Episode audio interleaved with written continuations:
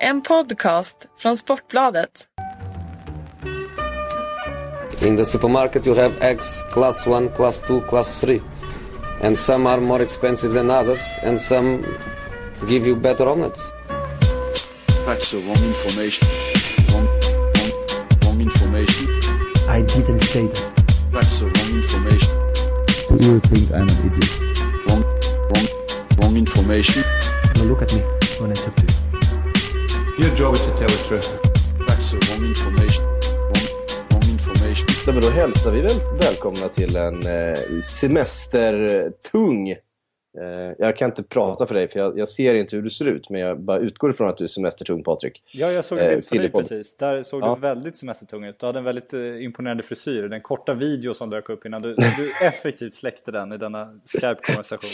Ja, eh, det växer. Jag, jag, jag ser ut som... Kommer du ihåg när Marcus Leifby var, var föräldraledig? Ja, och, exakt. När han kom in och- första gången. och fick för sig, ja, men precis, fick för sig att han skulle komma in och göra TV någon gång. Ja, exakt. Eh, och såg ut som eh, ja, den här filmen Wolf, om någon kommer ihåg den. Eh, Ja, eller, eller Ca- Castaway liksom. ja, Typ precis. sista veckan. Han, han hade med sig sin fotbollskompis också liksom. Gick och vaggade honom, hade glömt barnet. Ja, lite det stadiet befinner jag mig i just nu också känner jag. Ja, det var ganska likt faktiskt. Men eh, det känns eh, fantastiskt roligt att vi ska eh, få ihop det här till slut. Ja. Alltså även den här veckan. Eh, vi har ju gått från att vara måndagspodd till att vara tisdagspodd till att vara måndagspodd igen till att, eh, ja, nu är eh, varje vecka podd om vi har tur.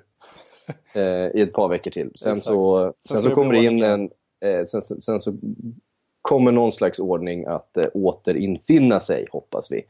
Eh, men än så länge så är det, det är ju en, en stökig sommar. EM och OS och eh, allting som har varit. Så att, ja, vi gör det bästa av situationen.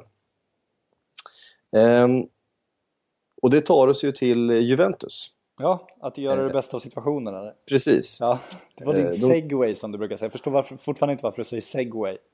Ja, jag vet, det är något, eh, något, någon term som jag har lärt mig Ja, någon gång okej. eh, under åren jag jobbat med TV. Oj, oj, oj. Ja. ja, eh, så är det. Eh, Pogba, ja, han verkar vara värd en väldig massa pengar. ja, det kan man väl säga. Han verkar vara värd Mer, mer. mer än vad Real Madrid verkar vara beredd att betala i alla fall, va? Så är det, så verkar det. Mm. Allt, av allt att döma, Real Madrid har ju utsett sin plan B redan, men vi kan väl återkomma till den kanske som en liten cliffhanger. Ja. Eh, nej, men det- har ju rapporterats om att det är klart för Manchester United i, i, eh, i flera veckor nu, men det har ju liksom inte blivit klart och Real Madrid har ju hela tiden funnits där och det känns som att Pogba själv eh, hade föredragit en flytt till Real Madrid. Det kan vi bara spekulera kring, men eh, han har ju en gång lämnat Manchester United och, och det är klart att eh, ett steg från Juventus till United just nu, det är ju inte nödvändigtvis ett steg uppåt i eh, hierarkin, ett steg till Real Madrid, är ju fortfarande ett steg uppåt från Juventus. Ja, ett steg till Manchester United är väl ett, ett steg neråt kan vi väl till och med konstatera med tanke på Ja. att de inte spelar Champions League, att de inte har den statusen längre. Den har ju skadats på senare år. Så att, och då kan man ju spekulera i varför han nu lämnar Juventus för Manchester United och då är det väl lätt att landa på det som uppges vara hela anledningen till att det dröjer själva presentationen. Den här nätta summan Mino Raiola har förhandlat till sig för att genomföra den här Mm. Affären. 200 millar ska han ha, den glade Raiola. Ja, det är ju, det är ju helt vansinnigt. Ja, jag fattar inte varför folk går med. Alltså, nu ska klubbarna betala det, men jag förstår inte varför någon här går med på att ge 200 miljoner till en kille som vars enda insats här på riktigt är att förhandla Paul Pogbas kontrakt. Liksom. Alltså, Juventus och Manchester United kommer ju överens om prissumma mellan sig. Det är inte så att Manchester United behöver få tips om att den här spelaren finns på marknaden. Utan det här, det är ju liksom, alla vet ju vem Paul Pogba är, framförallt Manchester United. Som, Han som är ju en gång fostrad i. Manchester United. Exakt. Så där har han inte gjort någon insats. Han har förhandlat Paul Pogbas kontrakt. Han har alltså fått Manchester United att ge Paul Pogba en svinhög lön. Och för det ska Manchester United eller Juventus betala honom 200 miljoner kronor. Och det här fungerar för att Paul Pogba i sin okunskap hoppas jag bara har gått med på att det är så här det ska fungera och klubbarna nickar och ler för att de vet att affären annars kommer krascha för att eh, Raiola kommer åka hem med Pogba igen. Men fan? Och det finns ett avtal som säger att ja, Ja, säljs han för över den här summan då ska jag ha den här ersättningen och så vidare. Och varför skrivs det? Det är så dumt, för det här är ju pengar som, som någon annan hade fått annars. De här hade ju Paul Pogba kunnat få en del av, eller Juventus kunnat få en del av, eller Manchester United kunde. Så alla förlorar ju på det här och så åker den, den glada Utom Mino. hem. Ja, exakt. Jävlar vad han kan köpa pizza nu, den gode Mino. Ja, eh, han måste tanka privatjetet. Det får vi ju komma ihåg. Han har, eh, eh, han har dyra vanor. Ja, han måste ju åka till, är det Miami Paul Pogba befann sig och bada i poolen tillsammans med Paul för att liksom slutföra de sista detaljerna i den här övergången. Mm. Det, är inte, det är Eh, inte gratis. Nej, Nej. men det gör han ju helt rätt i. Ja, alltså, det, är ju, det, är svårt, det är svårt att kritisera Raiola i det här. Nej, han, han gör ju allt rätt för sin egen skull. Det man kan kritisera är varför fotbollen går med på att ha människor som tar enormt stora resurser från sporten för insatser som på riktigt hade kunnat ersättas ganska enkelt av en simpel vanlig advokat. Liksom. Man ser ju också fram emot eh, eh, den här vackra idrottens framtid när vi vet att Raiola har politiska ambitioner. Alltså han vill ju... Fifa Han, ligger han, öppet han, kan han man vill säga. ju bli Fifa-president. Ja, men det är väl inte omöjligt. Jag älskar ju Fifa också, apropå agenter. Som ju, de hade ju ett bevakningsansvar tidigare. Mm. Och sen nu när det blev så snårigt, då tänkte Fifa, men fan nu blir det jobbigt att bevaka det här. Men då tar vi bort alla regler. Det blir, det blir den enklaste lösningen. Så nu är det ingen som har bevakningsansvar längre. Nej.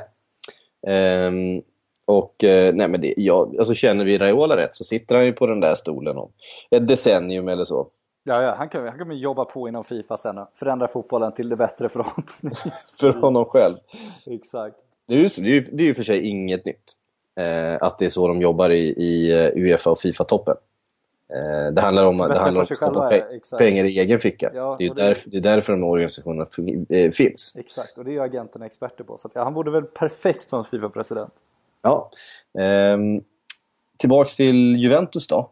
Ja, Eh, Pogba till Manchester United. Den räknar vi hem. ja. Eh, och eh, Higuain är ju klar. Från Napoli.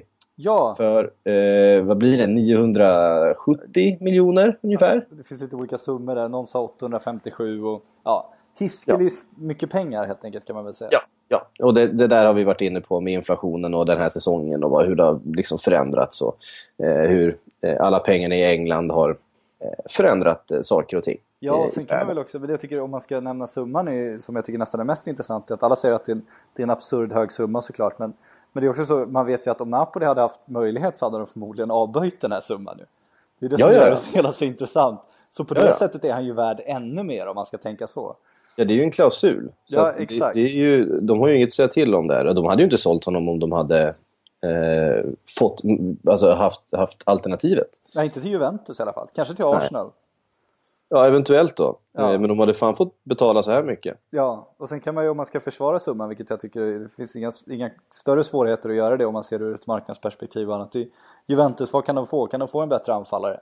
Nej. Har de råd med honom? Absolut. Ska de ta honom då? Ja, varför inte? Men det är ju liksom en topp fem anfallare i världen.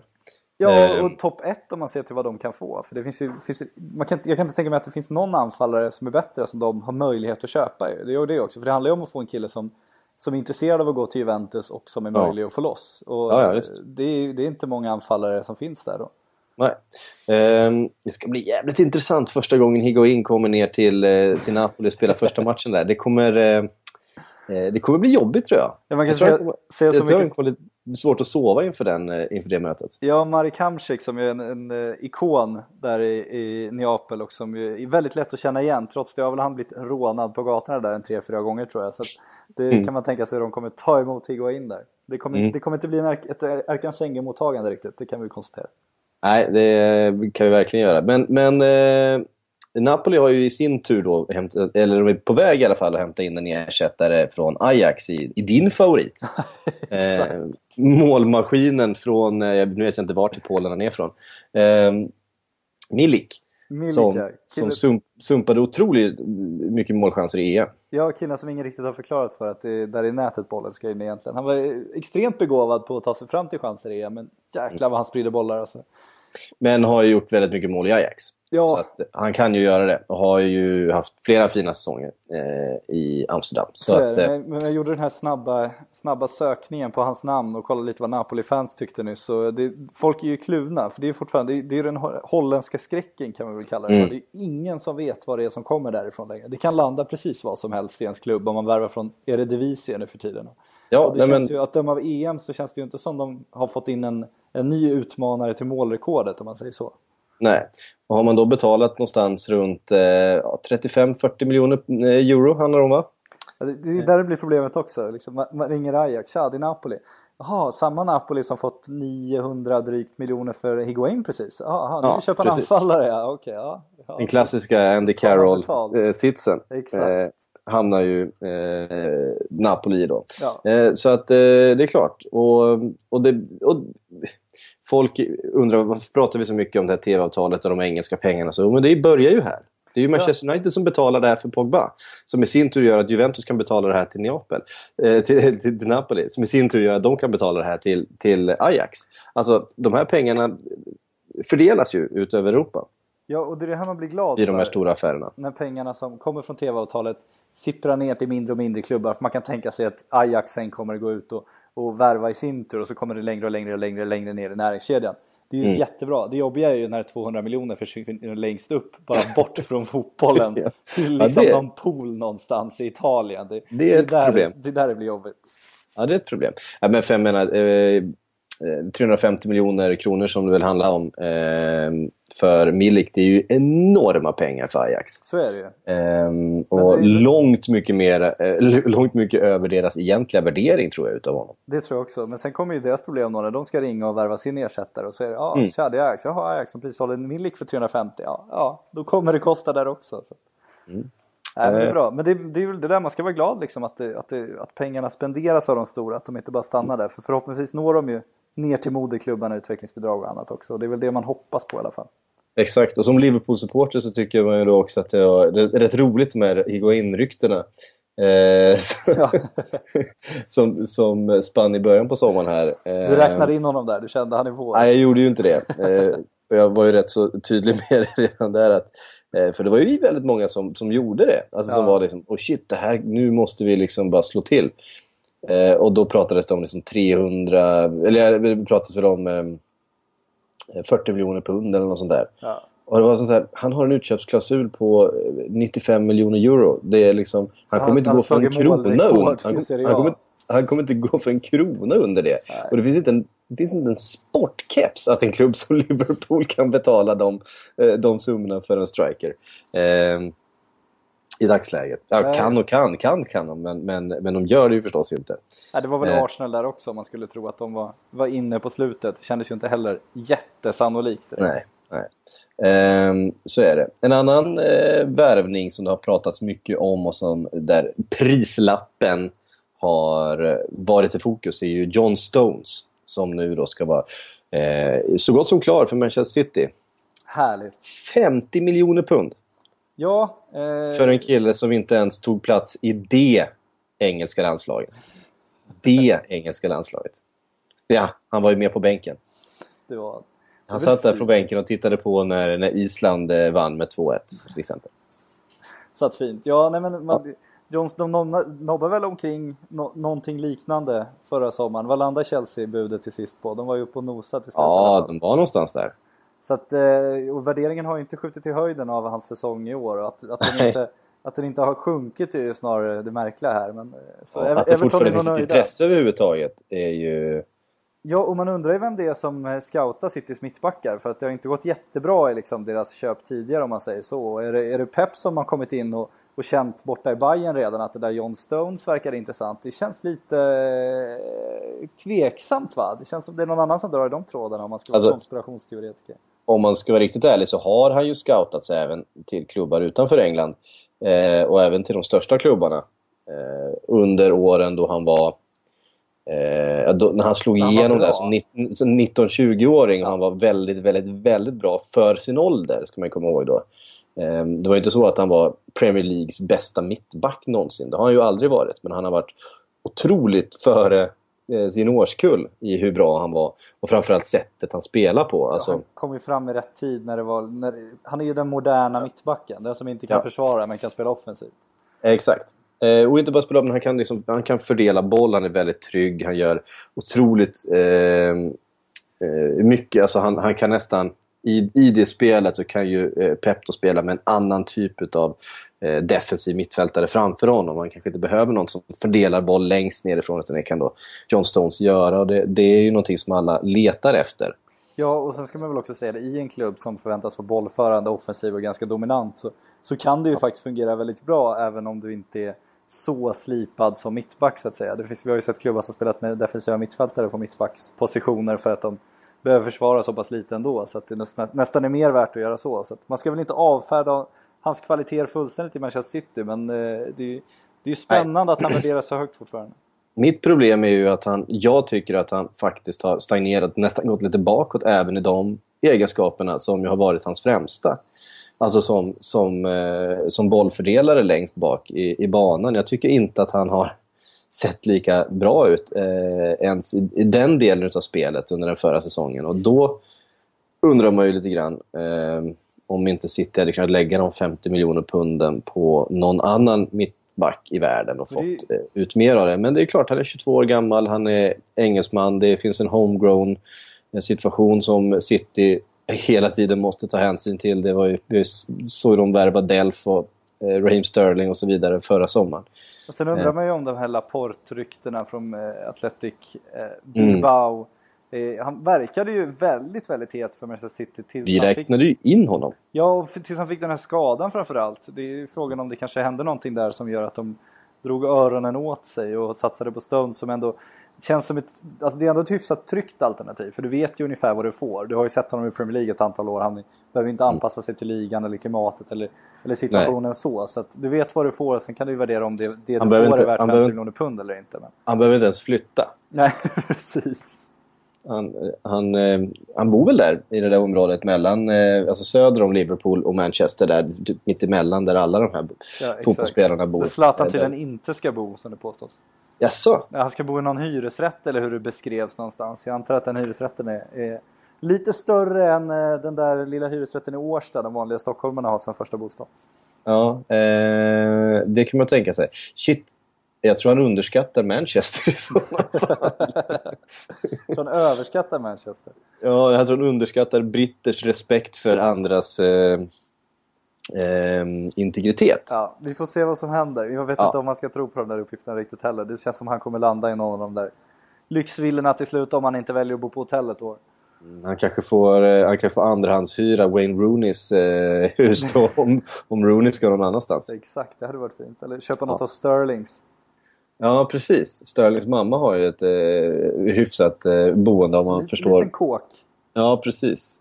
Om man ska tro på Snapchat. Exakt. Eh, historien och det här. Eh, du, mittbackar. John Stones kan vi nästan räkna hem, va? Ja, det Eh, känns ju... Nu, nu... Det känns ju rätt färdig. Jag ska vara tydlig med att jag har varit i total media och internetskugga en vecka i de norr, norrländska, tänkte jag säga, de skånska skogarna. Så att, eh, eh, min, min koll på det senaste är, är nog sämre än någonsin skulle jag säga. Mm. Det, jag tar också lite en brasklapp för det. Jag har alltså besökt eh, ska vi se här, High Chaparral, Kolmården, Gröna Lund, eh, Astrid Lindgrens Värld. Det är, en, det är väl det som kallas för en svensk klassiker, va? Men vill du ha ett litet tips? så, exakt. Ja, det är nog jobbigare än den svenska klassikern, det är jag fullständigt övertygad om. Fick du Ja. en medalj? Nej, jag borde fan fått Du det. borde få en medalj. Ja, det har kostat mig däremot. Men du vet, bara för att barnen vill så måste man inte. Det är ett litet Nej. tips sådär från, Ja, från en annan. Dåliga samvetet. Ja, Ehm, oh, där har vi också en segway. Ehm, nu eh, ska därför- du ta den här. Det här Jo, för fasen. För nu- nu tar vi oss till Liverpool och eh, Mamadou Sakho. Oj! Ja. Som ju inte fick vara kvar eh, på försäsongsturnén eh, turnén i USA utan blev hemskickad efter att han inte riktigt har följt reglerna. Eh, och det har ju eh, eh, dragit igång en massa spekulationer förstås. Han blev hemskickad i tisdags tror jag. Eh, och det var väl eh, James Pierce på Liverpool Echo som då avslöjade att det var av disciplinära skäl. Han är ju skadad så han är ju inte där för att spela, han är ju bara där för att hänga. Ja.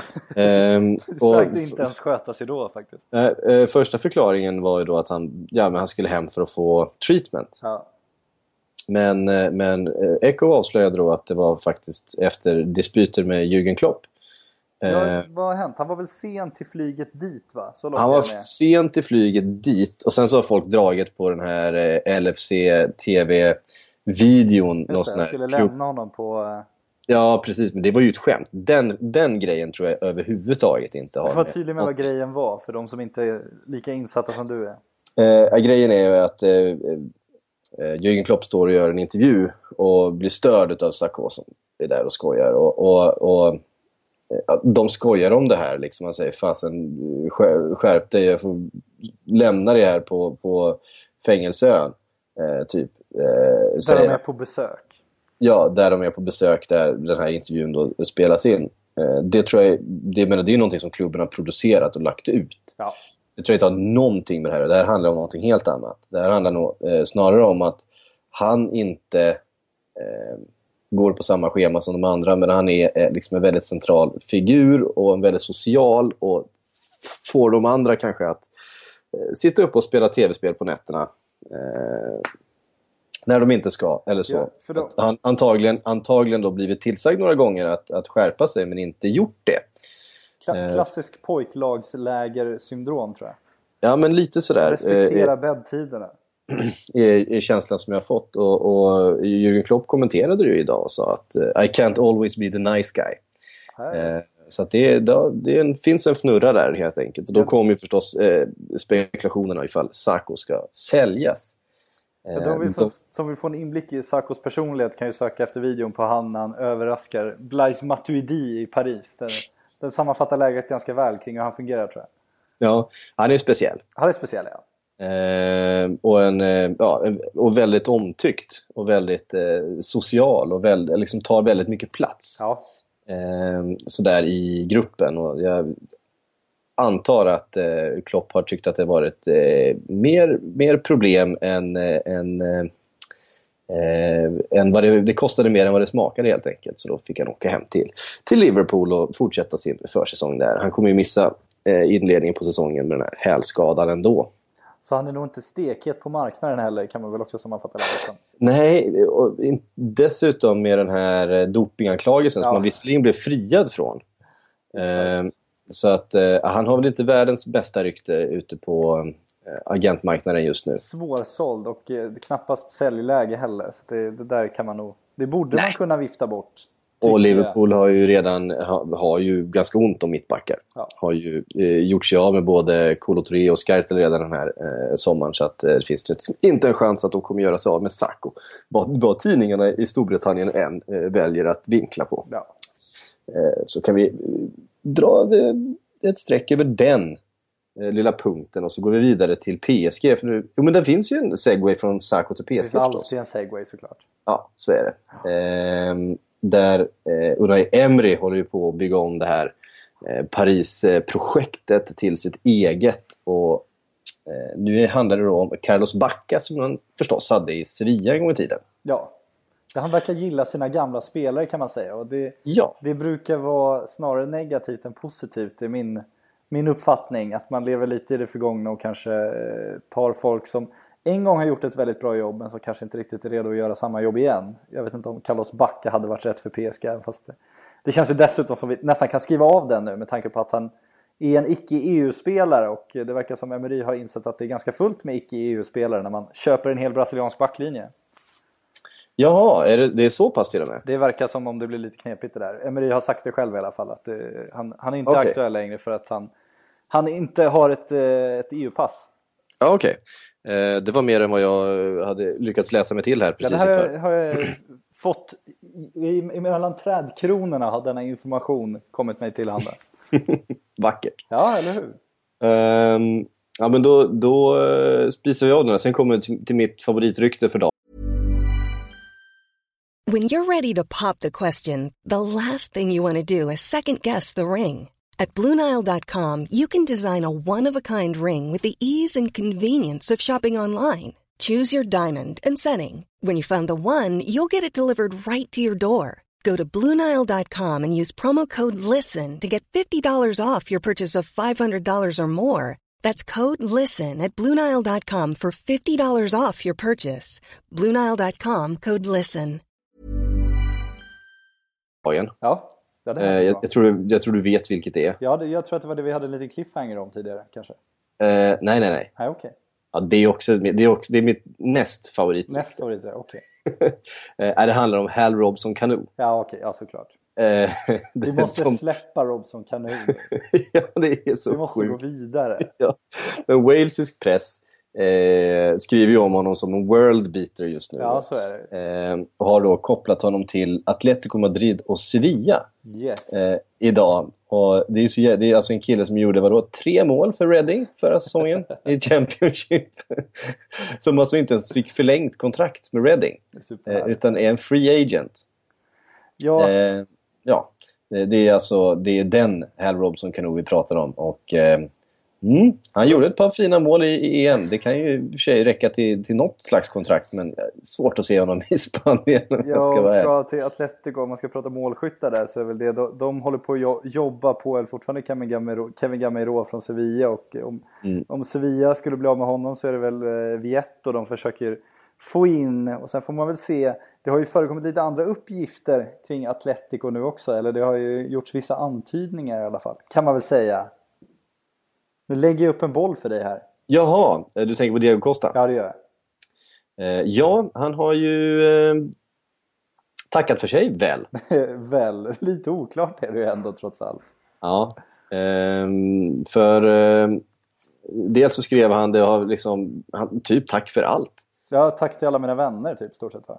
Ja, och sen och så har ju med lite Chelsea-polare. ja, och sen så har han ju bytt ut sin profilbild och det är ju den bästa biten. Exakt, på Instagram. Eh, från då han eh, i eh, Chelsea-tröja till bara en fotboll helt enkelt. Ja, det, den är snygg att han bara gör det till en fotboll för då, är det ändå, då vet man att han, han försöker ändå sä- sända någon slags signal om han inte är helt dum i huvudet, vilket jag förutsätter att han inte är. Han förstår ju vad, vad följden kommer bli när han tar en sån neutral bild. Mm. Eh, precis. Nej, han, han, han är ju... Eh, eh, nu höll jag på att säga fullblods sociopat här. Eh, det är kanske, kanske är lite Kanske väl hårt. Men, men, men det är ju inte så att han... Eh, Halvblodssociopat i alla fall. ja, det, det kan vi väl ställa upp på. Det är Ja. inte så att han gör de här sakerna utan att förvänta sig en reaktion. Nej, nej, han vet ju vad som kommer hända. Hans, hans Instagram, det är inte det mest personliga flödet annars om man säger så. så. Nej, det, det, är ju inte, det är ju inte den killen. Nej, eh, direkt. Eh, han är lite, sån. Men eh, ja, och det känns ju verkligen inte som en Conte-spelare. Nej, och frågan är vart han ska ta vägen. För Atletico, det, alltså, jag vet inte om de står där med armarna öppna om man ska vara helt ärlig. Alltså, de, de har förlängt med Torres och så känns det verkligen som de vill ha Gamiro ju. Och Mm. det känns som Gamiro och Costa... Och Hal Robson. Cano ska in där. Ja, exakt. Då öppnas det ju en plats i Reading om inte annat. Så det finns väl alla möjligheter där kanske. Precis. Ja, eh, vi får se. Jag, tycker Diego Costa, han, det kanske är en Kina-deal han jobbar på även han. Det känns väl som en, en möjlighet om inte annat. Hade han, hade han valt ett annat landslag hade han väl redan varit där förmodligen. Ja, precis. Eh, han känns ju väldigt Kina-kompatibel. Väldigt Kina-kompatibel, tveklöst Ja. så. Lite på, skiter lite på slutet av sin karriär, inte så sugen på sportsliga utmaningar. Ja, fylla på kassan. Ja, precis. Göra några chippenår som man brukar säga i Sverige. Ja, precis. Oh, han, skulle, han skulle ju verkligen göra sig i typ så Saudiarabien eller någonting. Ja. ja, det är en... Eh, mm. det är inte svårt att föreställa sig. Nej, det är det inte. Ehm, Diego Costa var det. Ehm, oh, en sån här eh, följetong som vi har liksom hållit på att tjata om i Premier League-poddar och allt möjligt. Eh, Wengers ersättare. Ja, det här, det här är ju Kalle Karlssons hemmaplan egentligen. Så är det ju, han skulle ju han Ja, men han- inte regla han- över det här ämnet. Han, ja, men han bäsar ju alltid alla såna här rykten så det är skönt att han inte hade tid att vara med Ja. ikväll. Det är alltid skönt tycker jag. eh, Eddie Howe. där och vinkar åt sina Karlbergsspelare i, ja, Mm. i förtret. Ja, det är det han gör. Ja, det gör han. Där och, han är där, han har träning just nu. Ehm, ehm, Eddie Howe ja, Englands Kalle. Karlsson. det känns ju som... Alltså, jag vet inte, jag får såna Brendan Rodgers-vibbar utav Eddie Howe. Um, vilket sätt då?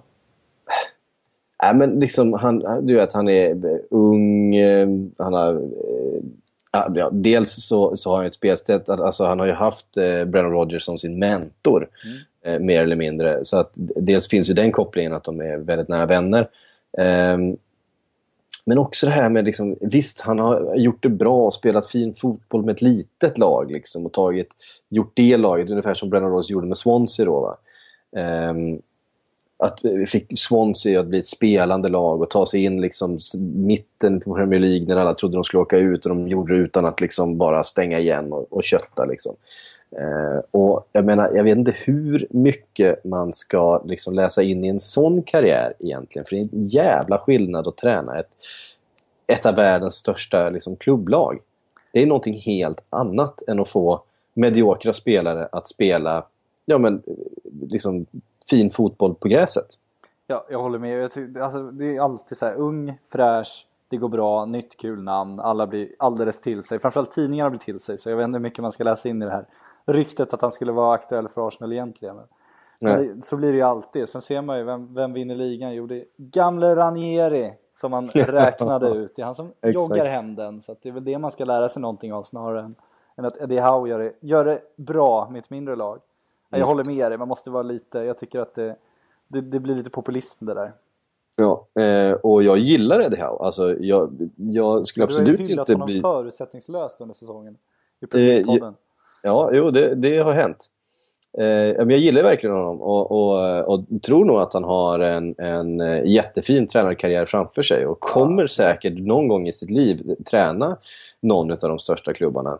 Eh, men jag ser det absolut inte som säkert. Eh, och han har en ganska lång väg att vandra för han är där. Ja, sen ska det bli intressant att se vad, vad Arsenal gör med tanke på hur det gick för när United skulle växla bort sin gamla eh, legendar, Sir Alex Ferguson och, Mm. och försökte med vad som ändå kan beskrivas som någonting liknande kanske. Det känns Mm. som många, det kommer göra många väldigt, väldigt rädda och det känns som kanske att eh, det eventuellt kommer få Arsenal att tänka både en, två och tre gånger innan de tar någon från någon lite mindre Premier League-klubb. De kanske snarare försöker mer på en Carlo Ancelotti-typ när det väl är dags. Alltså en riktigt så etablerad stortränare. Ja, precis. Jag menar, då pratar vi ändå om en David Moyes som hade vadå, tio år på övre halvan i Premier League. Eh, med ett stort lag som Everton. Eh, och ändå var det klivet för stort för honom. Han kunde inte hantera det som är ett Manchester United. Det fanns ju ganska många sådana eh, liksom historier som läckte ut hur han kunde inte hantera en grupp med, med alltså som var med så stora stjärnor, med så stora egon, med så stora plånböcker. Han kunde inte hantera ens ett träningsläger med så stora stjärnor för han liksom visste inte hur han skulle bete sig, hur de skulle liksom röra sig runt bland annat folk utan att det blev hysteri. Och så. Alltså han, han var Vi, liksom... vi går ut och värmer upp på stranden. Ja. Ja, precis. Eh, och det blev liksom ingenting gjort den dagen. Eh, och sådär. Så att det där är, det, det är en helt annan arbetssituation ju i de här Ja, stora lagen. jag tror också att det är en väldigt annorlunda yrkesroll om man ser till ett Manchester United där en Sir Ferguson i stort sett inte höll en enda träning på de sista åren om man ska tro allt man hör. Utan han har en stab som, som gjorde mer eller mindre allt av det jobbet och blev mer av en, en taktiker, inspiratör och sådär.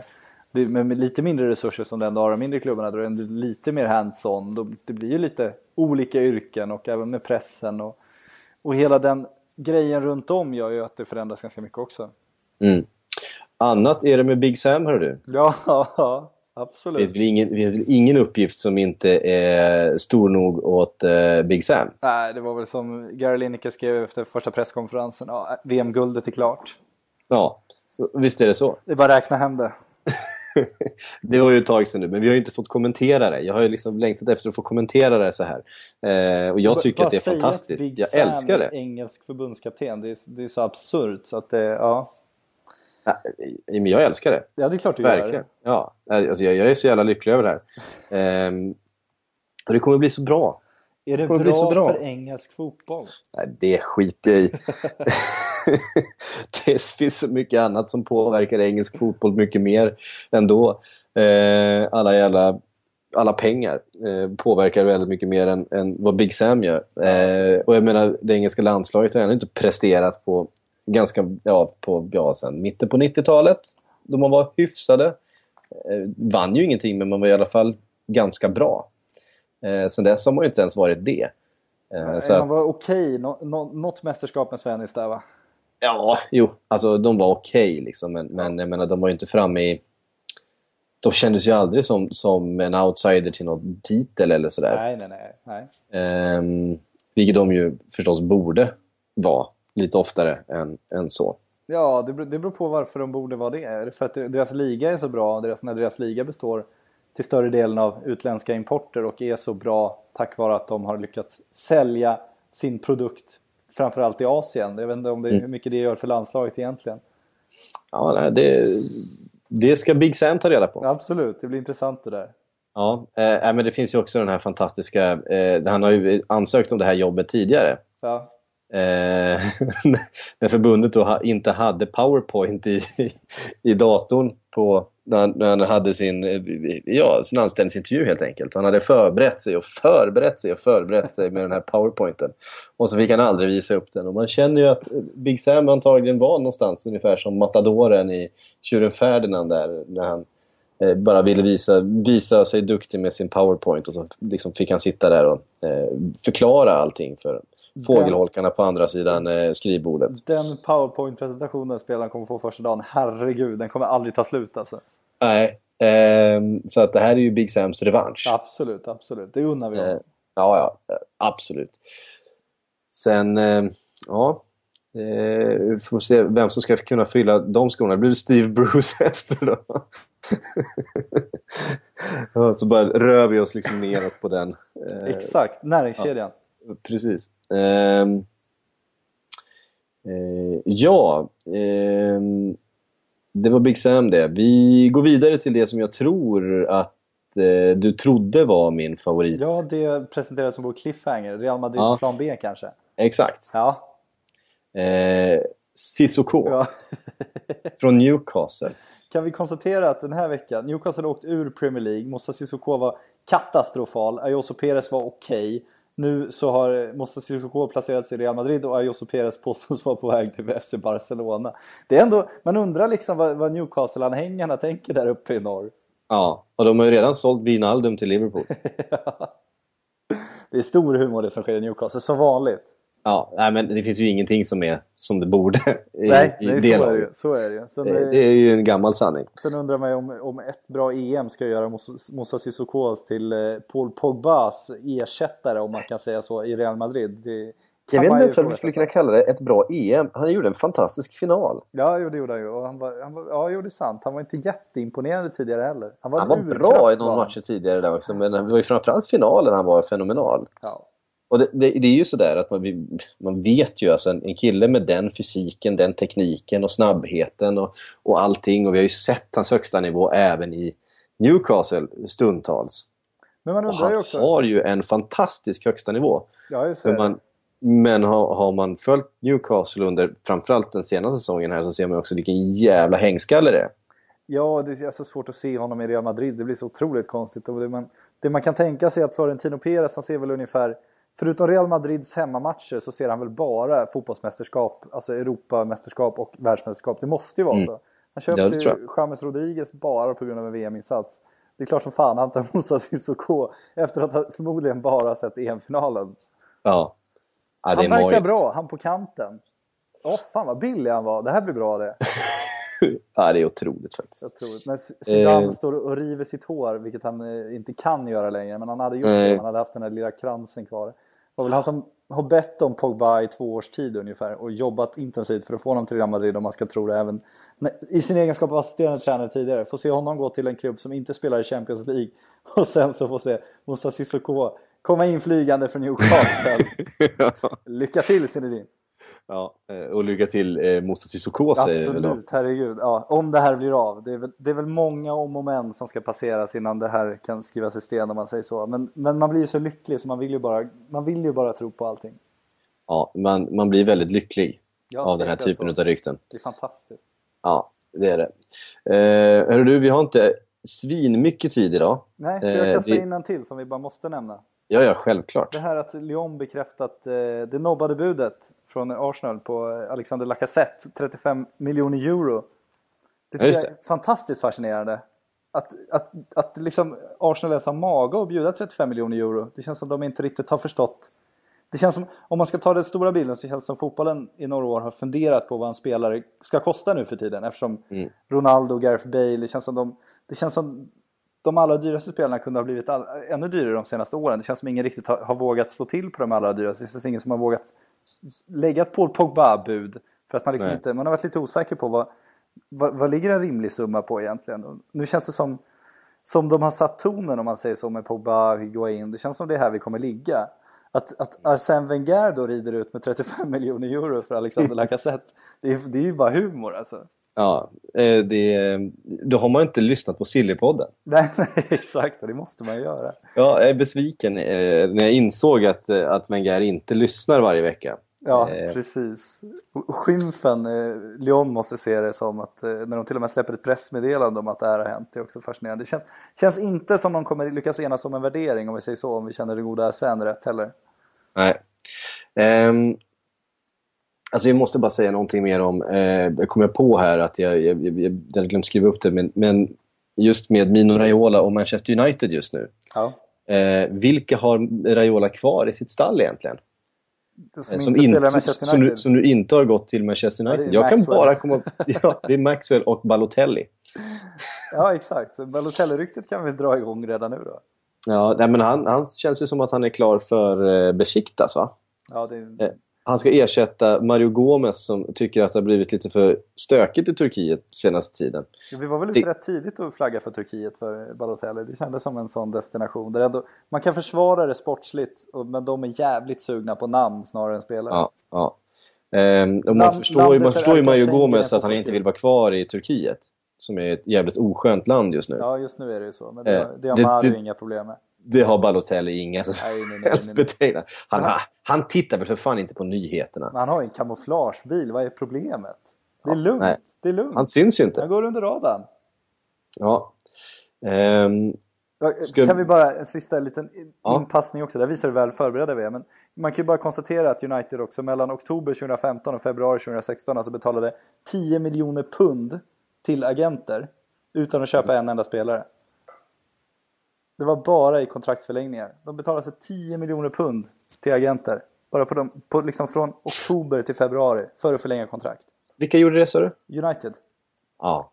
Det säger en del Ja, om vad, vad som har hänt nu. Nej, men man känner ju så här, äh, du vet, ehm, ehm, för er som, som lyssnar som, som kommer ihåg eh, Percy Tårar, den gamla tv-serien med, med eh, Killinggänget, där Percy Nilegård har hittat någon stackars företagare som han ska då ha någon slags eh, personlig utveckling med. Och han fullständigt eh, kapar hela företaget och stjäl alla pengar och bilar och allting. Jag känner just nu att Ed Woodward är den företagaren och att Mino Raiola är Percy Nilegård i det här förhållandet. Att han egentligen kan sälja precis vad som helst till Ed Woodward. Ja, jag köper det rakt av måste jag säga. Ja. Eh, ja, fundera en stund på den eh, jämförelsen, kära Nej, lyssnare. Det är Så, Mino. Jag har en ny grej på gång. ja. Hör du, den där Porschen som du kör, den ska inte du, den ska inte du köra. Det är inte bra för dig. köra. Ge, ge mig nycklarna nu. Ehm, Mino, Eh. Mino kommer skjutsa in sina United-spelare, en minibuss till första, första riktiga träningen sen. Ja, precis. Ehm, vi har ju fått väldigt mycket frågor förstås om eh, Arsenal. Det får vi ju alltid. Det, det är liksom Arsenal och Liverpool på något sätt som dominerar eh, frågefloran. Ehm, vi, vi, kan ju ta en direkt här från The Swedish Gooner som är en, en eh, lyssnare som eh, gillar att höra av sig och han är väldigt ofta med. Eh, det är en favorit till podden. Men han gillar inte dig. Nej, Eh, det är, nej. det är i och för sig inte helt ovanligt. Nej, det, det eh, tycker jag eh, man kan respektera. Ja, jag ser det som Eh, ett han, skri han skriver så här, sluta nedvärdera Arsenal och var realistisk i dina analyser Sjögren. Ja. Det var ingen fråga, det var en, det var en, eh, en synpunkt. Då får, han lägga, då får Mr Wenger lägga lite mer realistiska bud först, så ska jag bli mer realistisk i min värdering av den klubben. Mm. Men här har vi ett, eh, en annan som, som heter nästan samma sak, han heter Goonerpojken. Ja. Eh, och eh, han har ett litet resonemang här, men det avslutar i alla fall med att eh, eh, många liksom supportrar, eh, till exempel Arsenal-supportrar som han eh, tillhör, eh, fnyser åt annat än liksom etablerade och, och väldigt dyra spelare trots att det är liksom väldigt sällan de största värvningarna som gör den största skillnaden i slutändan. Det är ju faktiskt de det är ju inte förra, spelare, förra säsongens bästa spelare som du ska ha. Det är ju nästa säsongs bästa spelare som du ska ha. Ehm, och det där finns ju... Egentligen så, så, så sker ju de intressantaste värvningarna en bit bort ifrån rampljuset. Vi behöver bara titta på Leicester förra året, eller Payet till, eh, till West Ham för den delen. Eh, var ju inte en värvning som vi pratade skitmycket om. Det är klart vi nämnde den och det var liksom, ja men jaha, nu har West Ham värvat Payet. Det var ju, det var ju kul bra. för dem. Ja, men det hyllar vi dem ändå för. Det, det vill jag minnas. Payet var ändå en sån etablerad spelare. Jo men det är, det är en etablerad spelare. Det var bra av West Ham att få honom. Sen att det skulle vara liksom eh, ligans kanske näst eller tredje bästa spelare. Nej, och att han skulle bli EM-gruppspelets allra bästa, största profil. Det, det trodde ju ingen då, så är det ju. Ehm, Men det där, är, det, där är, det där är intressant hur supportrar fungerar under den här, eh, de här sommarmånaderna. Det, allting handlar om de här stora stjärnorna som ska in, alla the marquee signings. Och det är ju eh, det är ju väldigt sällan som det är the marquee signings som i slutändan är det som eh, klubben har mest ut av. Men det är ju inte bara supporten som fungerar så, det det jag tycker är så intressant. Utan faktiskt klubbarna fungerar ju så också. De styrs ju indirekt av supportrar, många av dem. Det är väldigt få... Och så kollar man på vilka som styr klubbar, världsfotbollens klubbar. Tittar du på Bayern München, absolut, de har byggt en hel ledning av gamla storspelare. Men annars är det ju många som liksom, det är ju inte gamla storspelare själva som sitter och drar i trådarna. Och det känns som, det många gånger tas beslut som görs väldigt mycket mer med hjärtat än med hjärnan. Och att man också, det skrevs en lång krönika nu i The Guardian angående Paul Pogba-prislappen. Att, att girigheten har gått så långt. Att allting handlar om att man vill, man vill tjäna pengar, man vill visa upp pengar och man ska ha stora stjärnor. Och det är liksom, det är som en sån här flåd, det är som ett eh, MTV-program det hela. Det är något Cribs-program som hela fotbollsvärlden har förvandlats till. Att man ska bara ha liksom blink, blinkande saker överallt i sin klubb. Att det, det är ingen som tänker så, så himla mycket på själva fotbollen längre. Och det känns ju verkligen som det är någon slags, någon slags re- reflektion av samhället i stort just nu. Det är väldigt Ja. viktigt det som syns om man säger så. Ja, Så att, eh, eh, det är inte bara supportrarna. Jag tycker faktiskt att många klubbar fungerar sådär också. Ja, eh, helt klart. Eh, Petter Rodén skriver rör Mares på sig. Eh, och det gör han väl. Eh, tror jag i alla fall. Det, det, det är väldigt tyst om Mares i början på, på transferfönstret. Nu börjar det ju komma. Eh, det har pratats om Chelsea bland annat. Ja, och det känns som det, det måste ju hända någonting. Jag håller med. Det känns Ja. osannolikt att de ska kunna eh, hålla kvar honom. Han är i en, en annan situation än vad Jamie Vardy var, kan man väl tycka Ja. också. Eh, och Kanté har ju redan stuckit. Ja, Eh, så att, eh, men jag tror också att eh, Mares rör på sig. Sen vart han hamnar. Det är ju inte en spelartyp det är ont om på marknaden.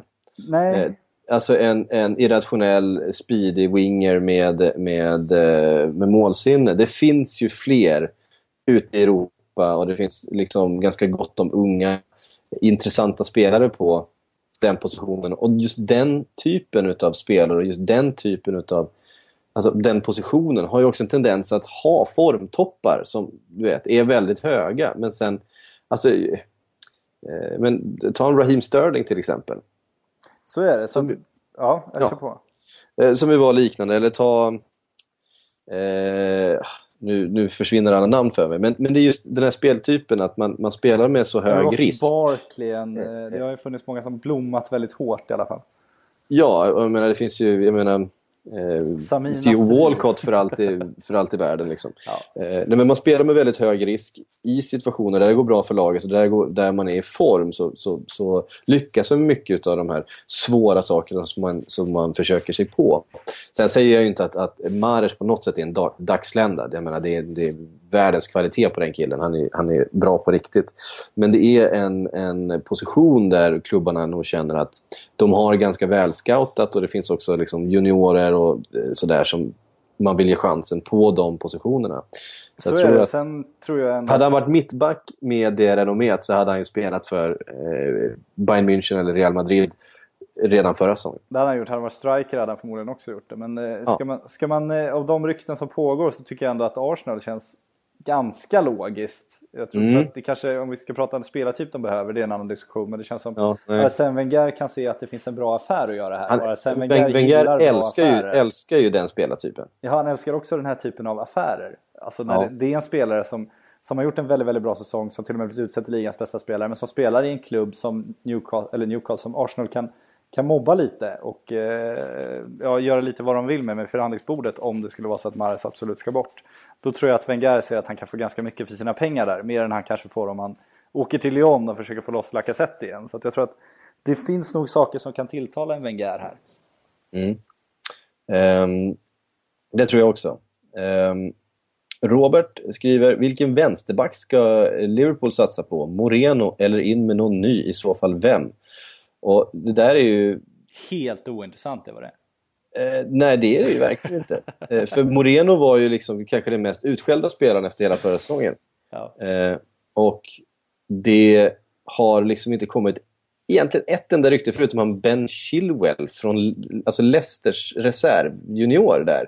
Som Liverpool ska ha varit intresserad av. Det har liksom inte kommit ett enda konkret rykte kring, kring en vänsterback. Eh, som ju var den positionen som i stort sett alla var helt överens om var den första som klubben skulle, skulle byta ut. Eh, så jag tror att eh, Liverpool kommer satsa på Moreno. Eh, helt enkelt.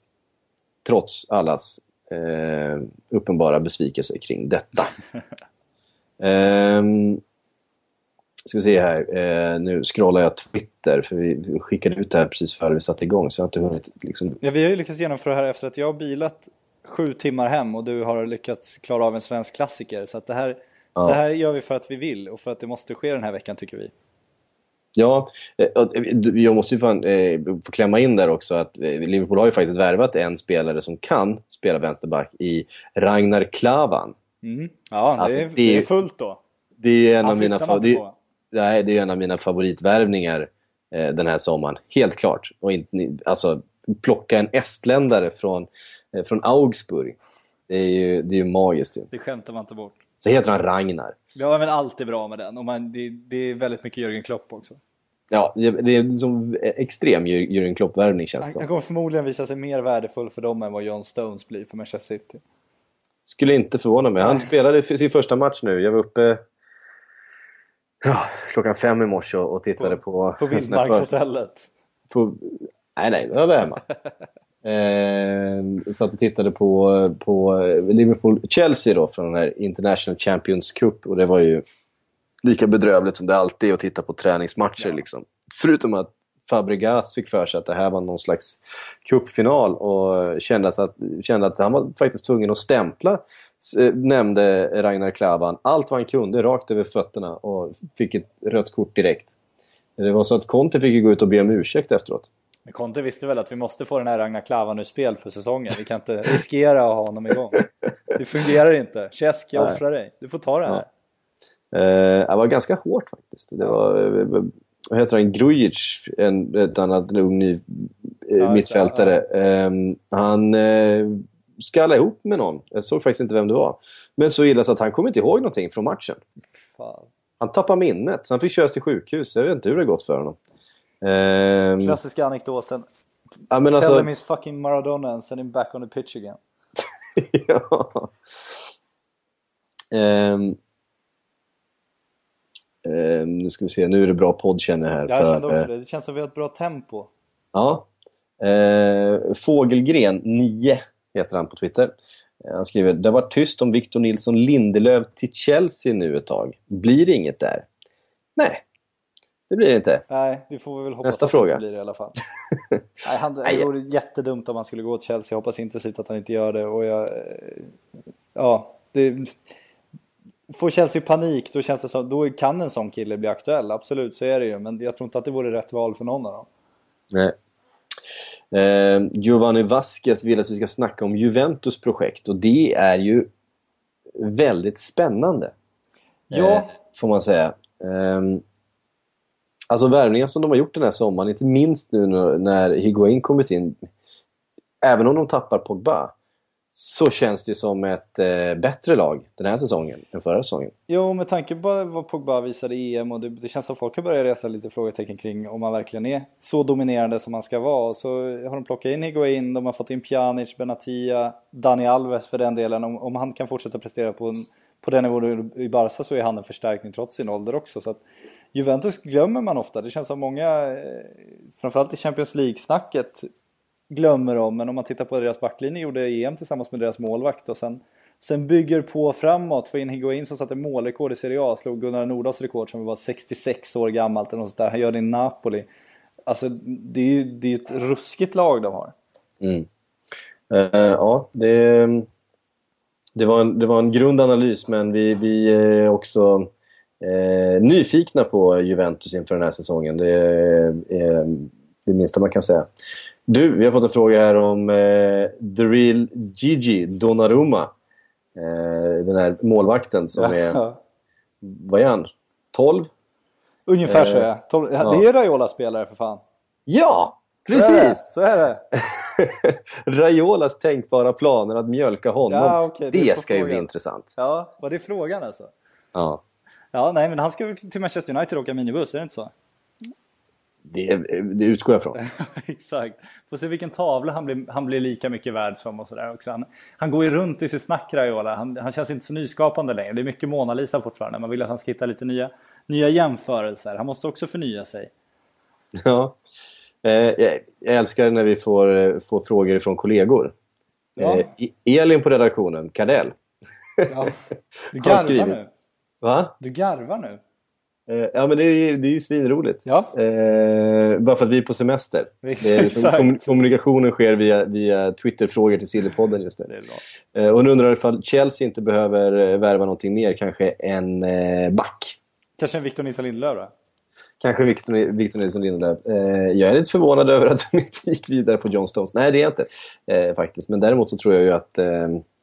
Eh, eller det känns ju rätt uppenbart att visst behövs det en, eh, en back. Och de har ju sneglat lite åt Contes gamla favoriter där nere. Det har han gjort. De har ju sne- sneglat på Juventus och det kan man väl förstå om, om de vill försöka med en Bonucci eller någon sån. Men det återstår att se om de lyckas. Det ska bli kul att se om han spelar med trebackslinje också eller vad han ska göra. Mm. Det Det, tror ju- inte jag att han kommer göra. Alltså, inte inledningsvis tror inte jag heller det. Det är många som får för sig att han är en trebackslinjetränare men han är väl snarare en tränare som anpassar sig efter sitt material väldigt effektivt och just nu Ja. tror jag inte heller han ser en, eh, tre riktigt, riktigt stabila mittbackar i Chelseas trupp. Nej. Eh, det är ju Bonucci som det har pratats om ju. Men... ehm, jag får säga, vad är han? 32? Alltså det, känns ju inte sådär, även att det är en fantastisk mittback och han är jättebra, han har fina fötter och så vidare. Eh, så, ah, jag vet inte fan alltså. Ja, det, Nu kommer jag få massa skit här bara Ja, för att det, han är han, inte- är, han är briljant. Men han är alltså, 29 är han, så han är inte 32. Jaha, Vi ska börja den änden. ja, okej då. Eh, Och han är ju fullständigt briljant. Han hade ju lyft det laget så det skriker om det. Jag tror att hela Ja. problemet tror jag landar i att han är italienare och vad är större än att spela för Italiens största, överlägset största lag just nu och eh, göra Ja. det i Europa och så vidare. Eh, jag vet inte om det är större för en italienare att spela för Chelsea. Jag är tveksam till det. Nej, det tror jag verkligen inte. Ehm, å andra sidan så finns ju Conte där som ju eh, han är polare med och så vidare. Det, Så det betyder, ju, betyder ju någonting och det beror Någonting på vad Chelsea kan erbjuda. Ja, samtidigt tror jag inte man ska överskatta det. Någonstans så eh, har han nog gott om polare i Juventus också om man säger så. Ehm, Jag skulle bli förvånad om de lyckas lösa honom. Jag skulle bli förvånad om Juventus släpper honom. Jag skulle bli förvånad om han föredrar Chelsea så mycket högre än Juventus, om man säger så. Men om de kan så tycker jag absolut att då är det en no-brainer för Chelsea att springa dit. Ja, eh, verkligen. Jag tror att de har varit där och försökt. Jag tror att de har fått fet nobben. Förmodligen. Eh, eh, vad jag tror har hänt. Eh, Kristoffer Persson undrar, vad tro, var tror ni Leroy eh, Sané eventuellt ska ta plats i Manchester City? Ja, det är fan inte lätt att se. Nej, nej. Alltså det är, Eh. under, det är bara fortfarande förvånad att Samir Nasri är kvar där liksom. Ja, det måste ju vara någon hållhake Ja, någonstans. ja, men ta väck människan. Vad är det här? Jag menar, eh, om, Ska vi ha om, det om, sådär? om, om Mamadou Sakho eh, är, är dålig för en, för en grupp på Ja, sikt, exakt. då är ju, då är ju eh, Samir Nasri cancer eller, eller aids. Tror Hans, eh, hans, hans största, grupp. största bidrag till världsfotbollen just nu är kanske den mest mo- moderna och fulaste frisyren som nu även Leo Messi bär. Så det, är väl, det är väl det han gjort det här året, det största avtrycket. Ja, eh, också en speciell figur ju. Ja, det kan man säga. Man, jag gillar ändå att han finns. Jag gillar att han finns inom, inom världsfotbollen för att han är ju den typen av profil som man älskar och hatar, så är det ju. Ja. Och, och det gör ju att man älskar honom på ett sätt också. Ja, jag tycker alla, vi har pratat om det här förut också, men jag tycker alla ska googla upp hans selfie hemifrån. Ja, de är fantastiska. från, hans, från hans lägenhet där. Den, den säger precis allting Så är det. eh, om, om hur Samir Nasri ser på sig själv och sitt liv och sin, sin gärning, tror jag. Absolut. Men eh, Leroy Sané, det är väl bara, alltså, jag tror att om de har möjlighet att köpa honom så tror jag att de kommer göra det. Det är en av världens mest aktade talanger just nu. Han, eh, han visade, också visade tyska landslaget tycker jag att han håller på högsta nivån. Så det, det känns som en sån joker som kan, kan explodera. Så jag har inget större problem att se att han skulle kunna, kunna vara med och konkurrera som man ju brukar säga. Ja. Nej, det, det, han är ju väldigt spännande förstås. Sen Alltså det, där, det är ju återigen den där spelartypen som det finns ganska gott Exakt om. så. Eh, och som det fortfarande finns ganska gott om även i Manchester City. Ja. Eh, någonstans så ska väl en Raheem Sterling fortfarande spela fotboll där. När de har betalt en halv miljard för honom. Så är det. Kevin Eh. De Bruyne ska väl också ha lite, lite boll i sig. Ja, nej, men han är ju där och, och eh, Silva ska ju spela där i mitten. Och, ah, jag vet inte fan. Ja, men jag tror, men, alltså, han är så pass ung Sané så kan du ta honom så han mår ju inte dåligt av att göra så många matcher som han ändå kommer göra om han skulle inleda på bänken bakom de tre om man säger så. Han är 20 år liksom. Alltså, det skulle snarare vara nyttigt för honom än att komma som, som den som ska göra det. Så att jag, jag ser inte något jätteproblem med det. Alltså, sen får du ju värdera prislappen därefter såklart. Han kommer inte bli billig och kan du försvara och köpa en sån kille får han på tillväxt. Det kan man ifrågasätta men, men hade jag varit Manchester City och jag hade fått honom till ett, ett, ett, ett i sammanhanget bra pris, då hade jag ju gjort det. Så är det. Mm jag måste alldeles strax knyta ihop säcken här, men jag har en fråga till. Ja. eh, som jag hade tänkt mig skulle vara med. Eh, och det är Erik Tektor har skrivit. Prata gärna lite om, lite om Gabriel Jesus. Eh, kan inget om honom, men verkar vara en kamp om honom i Manchester. Och det är ju han brassen. Vi ska se vart fan han spelar någonstans. Ehm, Nu ska vi ha Andreas Käck med egentligen. Ja, exakt. Jag har faktiskt hört av mig till Tjeck. Ja, jag förstår det. Jag har inte fått något svar. Hej, vi har en okänd brasse här. Kan du, kan du komma in och Ja, berätta vem han- det är? är ju inte superokänd. Eh, grejen var för att eh, precis när jag hade läst den här frågan så läste jag en, eh, en artikel om honom. Jag har fortfarande glömt bort vilken klubb han spelar för. Men han, han är Palmeira i... spelar ni. Ja, så är det. Han har i alla fall den här spännande klausulen som jag tyckte eh, var värd en liten diskussion. Att Från den 22 augusti så kostar han då, eh, fall det var 20 miljoner euro. Mm.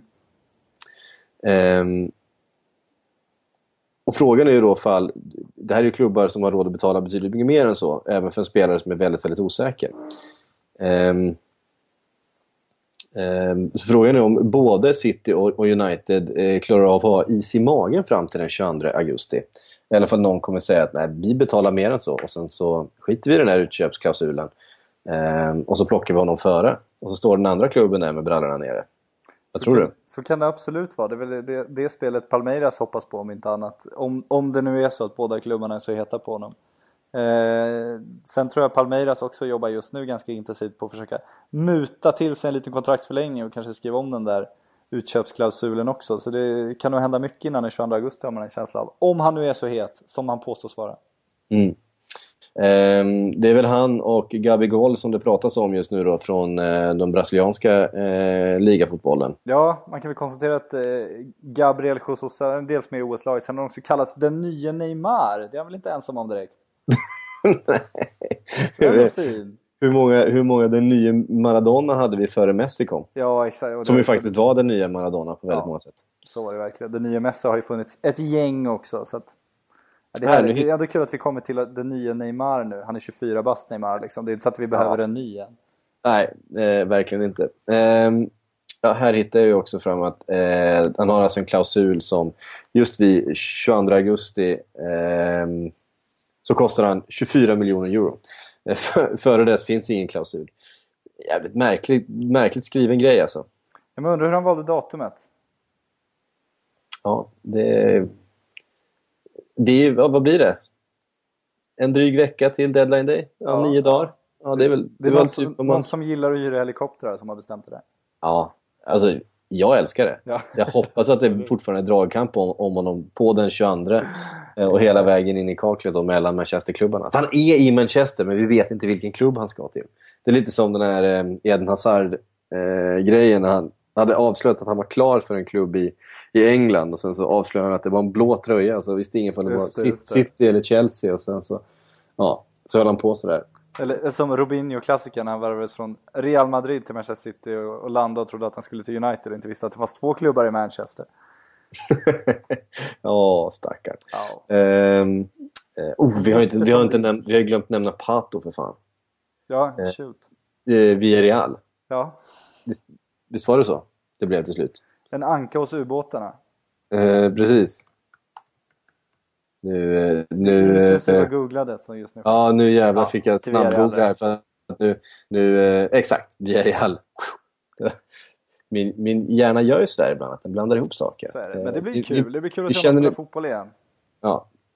Eh, blir det verkligen det? Ja, men det tycker jag. jag alltså, Ja, du är ju väldigt, du är väldigt förtjust i Pato. Jag Jag, har ju aldrig haft så, så starka känslor för nej, honom. jag gillar honom när han kom fram i Milan extremt mycket. Då, då, då trodde man mycket. Sen tycker jag ju om spelare som har allt och så känns faktiskt är beredda att ge allt men som inte får allt för att det är skador och annat som sätter stopp. Rent fysiska hinder. De, de kan ju ändå känna med.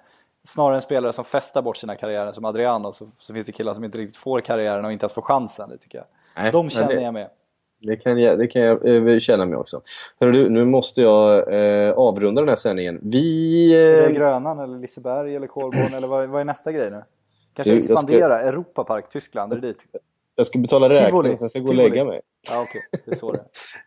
Eh, det är tidig morgon imorgon. Vi ses på Junibacken imorgon. Ja, verkligen. Det blir härligt. Herregud, för fan säg inte sådär. Det Jag får svindel alltså. Bli så. Eh, men vi, vi jobbar på ett avsnitt även nästa vecka. Det, det är fortfarande en, eh, några, ja, en vecka emellan tills, tills det rullar igång på schema igen här. Eh, men vi eh, ser fram emot en ad hoc-lösning även eh, under nästa vecka och sen så är vi garanterat tillbaka om två veckor med, ett, eh, med en ny programledare. Och Härligt. med, eh, Äntligen. med, ja, och då är du nyhetschef. Så är det. Det blir stökigt. Ja, det blir, eh, så då ser vi fram emot en extra lång eh, podd och en extra stark panel. Exakt. Ja. Hörru, tack eh, Patrik, tack för att ni har lyssnat. På återhörande kära vänner. Jag I jag har jobbat i 16 år här i England Och jag deserve lite mer kredit än than information.